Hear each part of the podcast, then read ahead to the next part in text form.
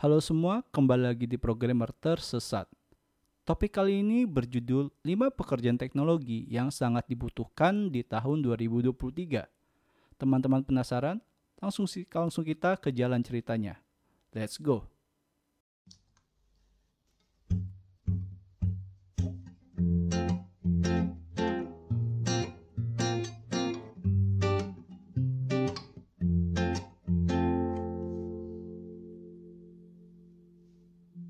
Ketika dunia semakin berkembang, teknologi pun mengikutinya. Pasar kerja pun semakin dinamis untuk memenuhi kebutuhan sektor yang mengalami perubahan ke arah digital. Lalu, apa saja daftar pekerjaan yang sangat dibutuhkan demi menghadapi tahun 2023? Berikut ini rinciannya. Yang pertama, data scientist. Di urutan pertama ialah data scientist atau ilmuwan data. Di zaman serba digital, data diibaratkan seperti emas karena sangat berharga demi acuan untuk pengambilan keputusan hingga landasan guna meningkatkan pendapatan perusahaan. Ketika perusahaan mengandalkan data, kemungkinan besar produktivitas perusahaan tersebut akan tetap kompetitif dibandingkan kompetitornya. Dengan data, perusahaan dapat melihat peluang, memprediksi tren pasar, hingga merancang strategi untuk pertumbuhan bisnis ke depannya. Melalui Biro Tenaga Kerja dan Statistik BLS Amerika Serikat di tahun 2021, data scientist mendapatkan gaji tahunan sebesar 108.660 US dollar atau setara 1,69 miliar rupiah. BLS juga memprediksi bahwa pekerjaan ini akan tumbuh hingga 36% dari tahun 2021 ke 2031 mendatang. Yang kedua, full stack developer. Pekerjaan full stack developer menaungi front end maupun back end pada sebuah situs web maupun aplikasi berbasis web. Pada tahun 2023 mendatang, semakin banyak perusahaan pemula yang cenderung memilih full stack developer untuk membangun komponen produk secara end-to-end -end dengan efisien. Menurut BLS Amerika Serikat, pekerjaan ini akan tumbuh hingga 23% antara tahun 2021 dan 2031. Lalu yang ketiga, cloud engineer. Komputasi awan, cloud computing dibutuhkan bisnis untuk menyimpan data berskala besar dan mempermudah akses dari jarak jauh secara fleksibel serta efisien. Lalu untuk mengoperasikan komputasi awan ini dibutuhkan seseorang cloud engineer atau insinyur awan sebagai pekerja profesional IT yang memiliki spesialis seputar desain, manajemen, hingga pemeliharaan teknologi cloud computing. Mereka dapat bekerja sebagai arsitek cloud yang berfungsi bertanggung jawab atas infrastruktur cloud, lalu dapat bekerja sebagai insinyur keamanan cloud yang berfungsi untuk menjaga keamanan platform berbasis cloud, lalu bisa bekerja sebagai pengembang perangkat lunak cloud yang berfungsi untuk membangun dan memelihara perangkat lunak dan database untuk sistem cloud, dan lain sebagainya. Menurut Zipia, pandemi COVID-19 membuat 61% bisnis memindahkan beban kerja mereka ke cloud pada tahun 2020 Kemudian pada tahun 2022, 94% perusahaan mulai memanfaatkan layanan cloud. Melihat tren tersebut, tidak heran jika pekerjaan insinyur awan ini akan sangat dibutuhkan di tahun 2023 mendatang.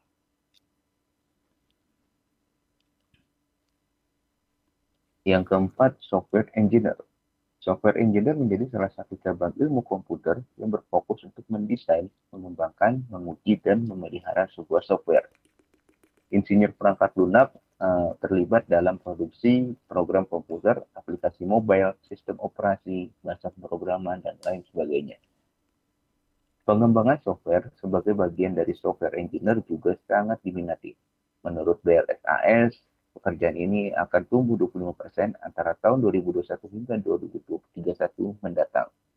Pada tahun 2021 sendiri, kira rata-rata pekerjaan ini adalah sekitar 109.000 US dollar atau setara 1,7 miliar per tahunnya. Nah, yang kelima, Information Security Analyst. sorry. Analisis keamanan informasi merupakan pekerjaan profesional yang bertanggung jawab atas keamanan digital dengan cara melindungi jaringan dan sistem komputer sebuah organisasi. Sebagai analisis keamanan informasi, mereka bekerja sama dengan administrator jaringan dan tim IT lainnya guna bertujuan menjaga keamanan informasi suatu perusahaan dari adanya serangan cyber attack. Beberapa pekerjaan mereka ialah melakukan pengujian untuk mengidentifikasi kerentanan, menginstal software keamanan, hingga membuat protokol keamanan informasi. Menurut BLS Amerika Serikat, pekerjaan ini akan tumbuh sebesar 35% dari 2021 hingga 2031 mendatang dengan rata-rata upah tahunan sebesar 113.270 US dollar atau setara dengan 1,77 miliar rupiah. Itulah daftar 5 pekerjaan yang sangat dibutuhkan dunia kerja pada tahun 2023 mendatang. Apa kalian tertarik untuk menjadi salah satunya? Semoga tertarik ya. Oke, mungkin itu beberapa lima pekerjaan yang tadi kita sebutkan. Kita akan langsung bahas. Oke, let's go.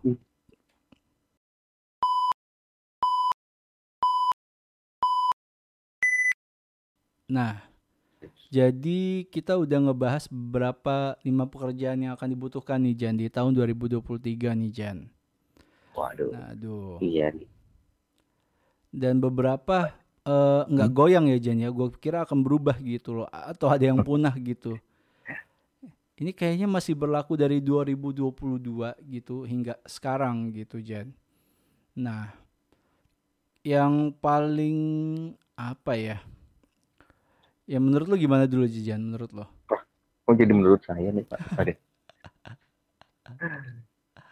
Iya, kalau menurut saya memang masih apa namanya, masih eranya eh, migrasi data ya. Jadi eh, teknologi yang masih dibutuhkan ya ini ini aja gitu. Hmm, hmm. Belum ini ya. Belum Hmm. belum apa ya? Belum terlalu evolve jadi apa betul. gitu ya Jan ya. Emang data ini Mungkin problem dari dulu ya. iya. Mungkin yang baru masuk ini adalah data scientist ini sih, yang memang Mhm. baru masuk di tahun 2020 sampai 2022 ini. Cuma Hmm. yang lainnya itu sebenarnya udah ada dari kayaknya 2017 2018 sudah ada semua sih. Nah, karena perkembangan ini data scientist atau orang-orang yang apa namanya yang punya data yang paham masalah data itu baru masuk eh, di dua tahun terakhir ini. Oke, oke. Jadi salah satu contohnya pergeseran pekerjaan ya data scientist ini gitu. Oke. Nah, mungkin di lima tahun ke depan uh, kita juga baru bisa melihat nih perubahan yang signifikan gitu untuk pekerjaan-pekerjaan di bidang Betul. teknologi. Setuju gua. Eh ini juga Jan sebenarnya 2015 eh nggak 2015 ya. Sama ini Jan, cloud engineer ini. Ini kan masih seksi banget ya dan Mm-mm. belum banyak orang yang menyentuh ke sana gitu karena untuk apa ya? Gua mau bilang kayaknya untuk mencoba mencoba si platformnya aja eh mahal nggak ya Jan ya?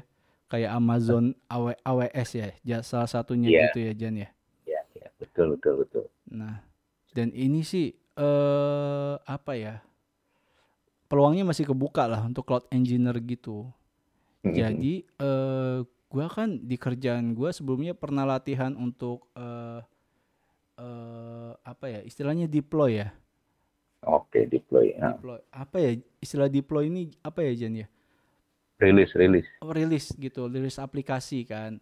Nah, di platform si kalau nggak ada yang tahu AWS itu Amazon Web Ser bener nggak ya? Amazon Web Yep, yep. Service ya, betul ya.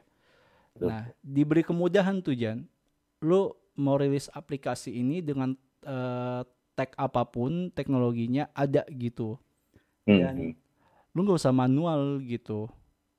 Emang ada caranya dan emang butuh belajar. Nah di situ eh, apa eh, proses proses kita belajarnya gitu kan. Hmm. Kalau dulu kan kita harus satu-satu tuh. Misalnya lu eh menulis aplikasi Java dengan database, lu siapin lu harus uh, apa uh, running dulu Javanya gitu bikin dulu koneksi ke DB-nya di server gitu kalau dengan AWS ini kan langsung uh, yeah. emang sih uh, sama gitu tapi nggak diulang-ulang lagi gitu loh iya yeah, iya yeah, yeah. Seperti itu gitu. Itu yang kemudahan yang gua rasakan ya. Dan memang cloud engineer nih uh, sesuatu yang wah deh gitulah karena tidak hanya berbicara menghandle ininya ya tidak hanya menghandle uh, aplikasi backendnya gitu. Jadi hmm. manage datanya itu gimana nanti ke ke, ke DB-nya gitu. Uh, memori kapasitas memori. Ini kalau misalnya ada yang salah teman-teman bisa ralat ya omongan yang hmm, saya katakan gini gitu Oke. sih Iya, Bapak tidak yakin ya dengan omongannya. Eh, Soalnya gue cuma ini doang ya, menggunain si AWS itu cuma untuk uh, merilis aplikasi uh, backendnya aja di Java-nya aja gitu sama database gitu. Tapi belum sampai pengaturan gimana uh, permainan memori penggunaannya gitu loh jangan gitu. Baru beginner lah. Ini kan butuh ilmu yang lebih dalam ya. Jadi ya harus belajar lagi gitu sama ini nih Jan information security analis ini kan entah kenapa ya uh, eh, gue mau bilang jarang uh, bisa gue maklumin gitu tapi butuh data gitu kita ngomongnya gitu loh ini persepsi gue aja gitu apakah yeah, yeah, yeah. apa apakah seperti itu Jan apakah jarang ini uh, sebenarnya kalau istilah-istilah ini tuh uh, memang kayaknya terlihat baru gitu. Cuma kalau pekerjaan itu kayaknya uh, udah udah cukup lama. Mungkin teman-teman kenal dengan uh, istilah DevOps ya. DevOps. Atau, uh, uh. Nah, DevOps itu sekarang dipecah itu jadi dua hal yang berbeda tadi. Ada yang bagian cloud engineer, oh. ada yang bagian security-nya ini juga. Mungkin nanti teman-teman bisa koreksi ya. Gitu. Hmm, kalau salah ya. Memang, uh, uh, pekerjaan utamanya DevOps itu adalah uh, selain menjadi atau membuat apa namanya skema dari sebuah sistem, dia juga bertanggung jawab untuk uh, masalah keamanan data gitu. Dulu tuh kalau uh, apa namanya kalau sebelum istilah DevOps itu apa namanya terkenal itu orang tahunya tuh kerjaan jaringan komputer aja gitu, iya. atau jaring, ya kan. Jadi luas banget gitu kan. Akhirnya kan dipecah-pecah lagi kan. Oh, jaringan komputer tuh batasannya ya ini lagi, ini lagi, ini lagi. Nah, sekarang uh, teknologinya udah mulai besar ya, ada lagi lah uh, istilah-istilah pengerjaannya untuk lebih fokus aja gitu. Betul betul. Kayak gitu. Dulu sih gue mikirnya ya Jan, semester-semester awal kuliah IT ini jaringan komputer lu nyambung-nyambung kabel komputer aja antara satu kabel-kabel. Ternyata lebih dari itu gitu. Terlalu kira apa? bikin ini bikin tower oh. internet. Oh, iya. Gue kira begitu kan? Wah. Atau ya. bisa mencuri internet pakai wajan bolik ya. Januari iya kita ganti topik ya. Oh iya, iya. uh, ini Jan full stack developer juga masih ini ya Jan apa masih seksi juga ya jadi pekerjaan ya tapi tak kenapa kayaknya uh, apa ya gue mau bilangnya mau menghilang. Jadi gini Jan karena uh, Elon Musk kan punya si ini teknologi chat GPT nih. Nanti hmm. mungkin kita akan bahas chat GPT udah booming Yuk. juga ya. Jadi hmm. orang ngetik bikin source code misalnya ketik bikin source code Tokopedia. jadi ya? Kok toko ya jadi nyebutin merek. Toko online gitu jadi gitu. Ini kan bisa mengancam stack developer ini. Ini debatable sih gitu. Bisa bisa iya bisa enggak gitu. Ya kan jadi ya. Tapi uh, eh, gue kayak disadarkan kayaknya emang udah mulai uh, kita mencoba merambah ke yang lain gitu selain develop ini bagi gue sendiri aja nih ya misalnya hmm. ke data kah atau ke cloud engineer kah gitu iya, iya, iya. karena ya eh, kita kan pernah diskusi aja nih ya. Ini diskusi gua malu aja gitu. Siapa tahu Hmm. teman-teman beda pendapat nggak apa-apa karena code itu kan ya berulang berul berulang-ulang kan Jan. Ya itu Betul. lagi itu lagi logiknya gitu. Menurut kita kalau salah tolong dimaafkan ya. Jadi bisa jadi open open apa? Open AI chat GPT ini eh bisa menganalisa lebih dalam kan dengan apa yang kita buat gitu loh. Ya, ya. Seperti- Bisa banget sih. Mm-mm, bisa banget. Nah itu kan dibalik lagi kayak yang apa full stack ini kenapa sih masih banyak uh, yang dibutuhin gitu kan? Hmm. Uh, kenapa sih masih banyak dibutuhin? Karena memang tadi kita masih uh, kalau yang mungkin kalau di Amerika itu uh, udah banyak gitu kan startup atau perusahaan-perusahaan yang uh, migrasi ke teknologi. Betul. Nah kenapa mereka masih membutuhkan itu? Mungkin di sana perusahaannya banyak dan juga uh, Oh iya mereka tuh betul. mencari orang yang uh, satu paket gitu satu paket itu bisa front end bisa back end gitu dan itu bisa uh, mengurangi cost gitu Wah dan iya sih. ada juga uh, perusahaan yang memang sudah berjalan dengan sistemnya itu Ah, uh, untuk mengurangi cost dan kebutuhan-kebutuhan lainnya ya akhirnya uh, ya udahlah pakailah aja yang full stack gitu mhm, Iya iya. pandangnya adalah uh, kemungkinan uh, karena masih berkembang gitu kalau di Indonesia juga mungkin karena masih berkembang Iya iya. Jadi masih banyak yang menggunakan jasa itu dan memang servisnya pun masih banyak juga yang ke apa yang ke eh, ke arah full stack ini gitu belum ke yang front end sama back end gitu. Kalau untuk ke- kecepatan dan lain-lainnya. Nah, itulah yang menurut gue eh, kenapa sih full stack ini masih digemari gitu. Karena tadi Hmm, pertama all in eh, satu paket bisa semua. Yang kedua eh, adalah kebutuhan eh, terkait pengembangan gitu. Jadi Iya. orang kan taunya kayak dulu aja sih eh, kita balik ke 10 tahun yang lalu aja orang cuma tahu eh, programmer gitu kan. Iya iya. Programmer apaan nggak tahu deh gitu kan. yang penting programmer gitu kan. Oke, sekarang ya full stack apaan tuh full stack ya? Gue taunya full stack gitu kan. Betul betul. Istilah ya istilah programmer itu kan udah mulai hilang tuh 2015 kan. Diganti Mhm, sama mhm, full stack sama back end sama front end. mhm. Makanya ya itulah gambaran-gambarannya. Oke, ke depannya juga nanti istilah full stack itu juga akan hilang dengan sendirinya. Dengan sama dengan si program istilah programmer itu sendiri aja ya. Iya, berulang. Berulang. Iya, Jan benar-benar. Di sini kan dibilang ya. Ini kan menurut Amerika Serikat ya. Yuk. Ya, 23% masih akan bisa tumbuh dari 21 hingga 2031 gitu.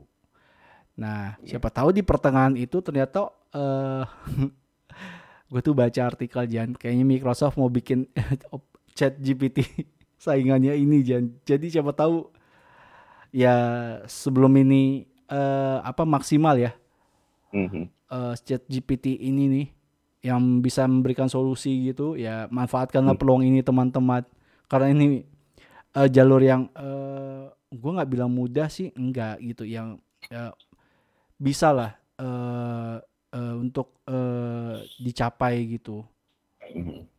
Kayak gitu sih. Iya. Itu uh, Microsoft kenapa pengen bikin chat GPT kayaknya ingin Elon Musk itu.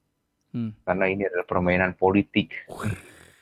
Kita karena tidak Elon Musk Partai Republik dan iya dan Microsoft pemiliknya Bill Gates dari Partai Demokrat. kalau kalian penasaran Partai Republik dan Partai Demokrat kalian itu di Google kita tidak bahas ini ya Oh, iya. Tolong nih, kita bukan konten politik-politik gitu. Takutnya salah ngomong, diputer-puter, dicelupin. Waduh, Bapak kayak itu ya, Gorio Rio ya. Aduh, aduh, untung diplesetin. Iya, iya, iya, iya. Ya gitu sih, Jan. Full stack masih oke.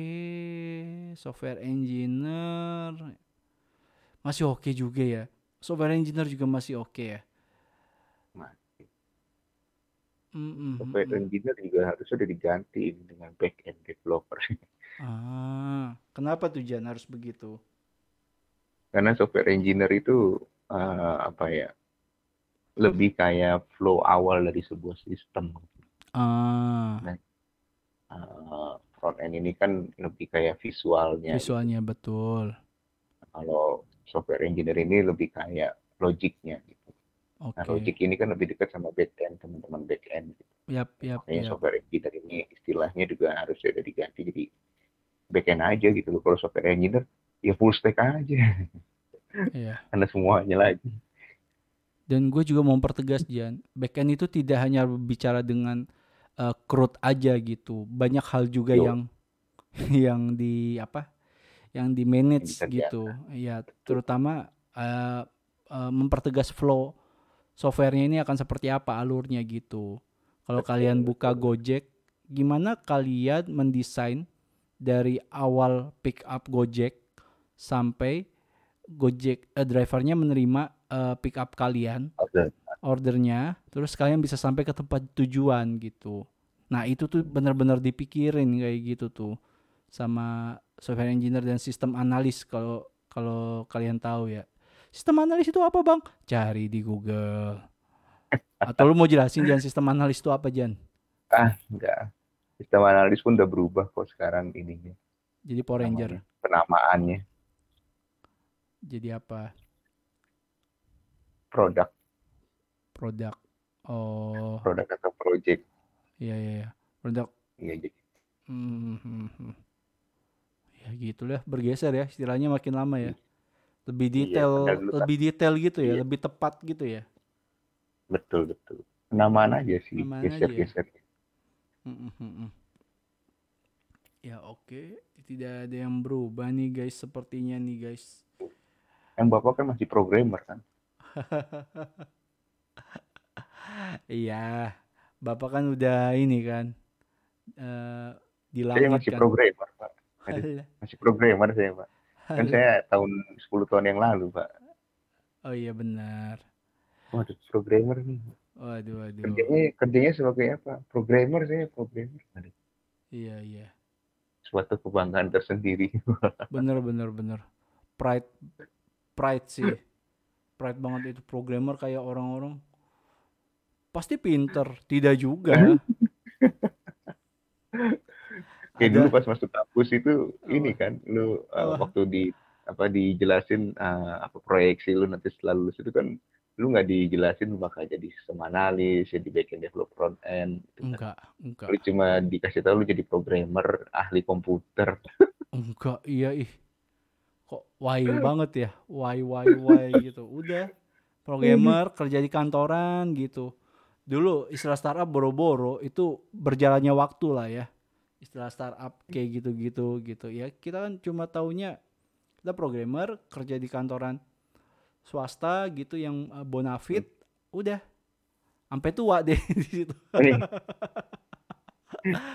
Tapi kan tiba-tiba terjadi di dis- disruption ya Jan ya. Muncullah startup, muncullah Gojek. Jadi eh, itulah yang membuat pride programmer itu jadi kayak uh makin eh, ini ya. Jumawa. Wah, Enggak maksudnya bukan di second layer di di layer pertama gitu loh maksudnya jadinya Iya, enggak iya. enggak dipandang sebelah mata lagi gitu terhadap IT gitu. Gitu betul, lah. Senang-senang gua ada ini kita ada kamus lima tek lima pekerjaan teknologi yang akan dibutuhkan gitu. Jadi panduan untuk teman-teman juga gitu yang mungkin akan lulus eh, terutama untuk teman-teman yang kuliah di IT gitu loh. Mungkin bisa ditanya dosennya gitu, Pak, saya butuh map untuk ke data scientist gitu. Ini gimana gimana gimana gitu. Pasti dosen kalian akan lebih mendetailkan jalannya, path-nya akan seperti apa gitu. Tapi kalau misalkan dosennya bilang, apa itu data scientist? Ya udah, nonton di YouTube.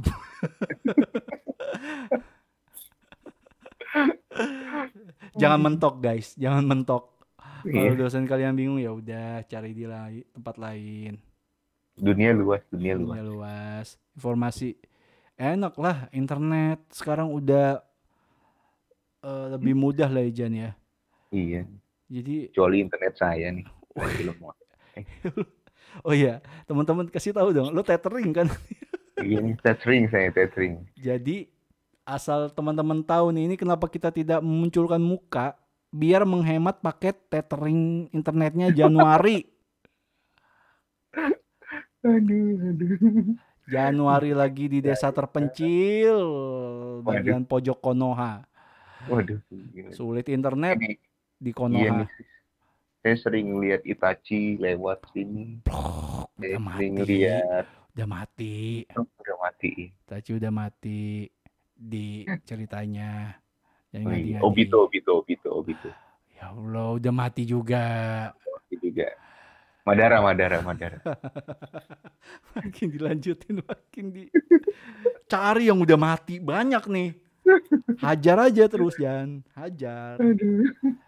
Ya ya udahlah seperti itu ya. Mungkin teman-teman kalau masih belum mengerti atau butuh penjelasan rinci atau pengen Bang jelasin dong satu-satu eh, maksudnya apa sih data scientist lebih detailnya. Ya kalian inilah kasih di kolom komentar apa yang kalian mau, kita tampung idenya baru nanti kita ituin proses cari datanya lebih lanjut untuk mendetailkan lebih dalam pekerjaan-pekerjaan ini seperti itu gitu. Ini kan baru secara singkat-singkat aja nih. Kita cuma baru bahas kulit-kulitnya aja nih gitu. Kalau misalnya kalian bingung ya, ya kalau nggak bingung, ya udah main Ya udah. aja Mobile Legend. Wah. Enggak, enggak bercanda ya. Canda ya, jangan nanti tiba-tiba kalian laporin ke bocil-bocil Mobile Legend bercanda kok. Mobile Legend game terbaik menurut gue gitu. Ah, bohong lu penjilat. Eh. Baik loh, gila Muntun oke loh.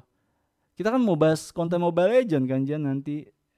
Oh iya, iya. Iya, Sejarah, sejarah. sejarah Mobile Legend.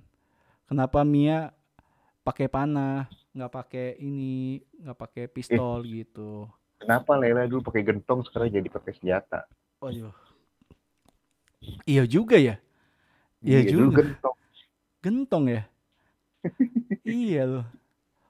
Ah, udah nggak ini lagi lah ya. Eh kita eh, udah ya. Jangan bahas Mobile Legend dulu ya, Jan. Lu mau Oh iya. balik lagi nih. Eh apa lagi ya yang dibahas ya? Paling itu aja kali aja nih. Iyalah. Lagi. Udah banyak. Udah banyak kita nih bahas-bahas hal-hal lucu di sini nih. Ya oke lah, paling kita closing aja ya Jan ya. Ya udah. Ya oke. Eh thank you teman-teman. Istirahat kawan-kawan. istirahat ya. Kita closing dulu. Oke teman-teman, eh thank you nih udah mau dengerin celotehan-celotehan kita nih. Semoga bermanfaat ya. Dan jangan pernah lupa untuk subscribe ya. Karena di data YouTube analis kita nih lebih banyak pendengar baru daripada pendengar lamanya nih. Pendengar lama tolong dengerin kita hei. Kita butuh retensi. Anda ke mana aja. Untuk pendengar baru juga welcome ya kalau eh, tiba-tiba tersesat nyasar ke channel ini gitu. Seperti itu. Terus jangan lupa like biar kita makin kaya. Wah. jangan jangan lupa share eh video ini, konten ini biar kalian benar-benar sangat tertarik dengan konten ini gitu. Kalau kalian juga mau support eh, konten ini melalui donasi bisa nanti lewat link Saweria kita sertakan di pojok kiri atau pojok kanan. Itu pun kalau saya ingat menyertakan QR code-nya. Wow. Bapak jarang-jarang sering lupa ya. Iya Pak, lupaan Pak.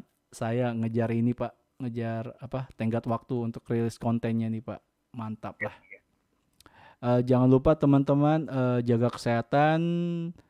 Jangan lupa diperbaiki eh, apa waktu istirahatnya biar kalian nggak gampang sakit ya. Gitu. Wah, Bapak lagi curhat. Hah? Bapak lagi curhat. Iya Pak, ini kan eh bentar lagi Imlek ya. Hujan terus Pak, gitu. Makanya gua bilang kalau pala kalian kena hujan langsung dibersihin gitu ya. Ini baru kali ini loh kita bahas kesehatan ini Jan ya. Kepedulian terhadap penonton. penonton. Cuma di kita ngebahas kepedulian penonton. Maka dari itu di subscribe. Waduh. ya udahlah Jan ya. Sampai Iyalah. ketemu ya teman-teman. Thank you udah mau dengerin. Sampai ketemu di konten selanjutnya. Bye bye. Bye-bye.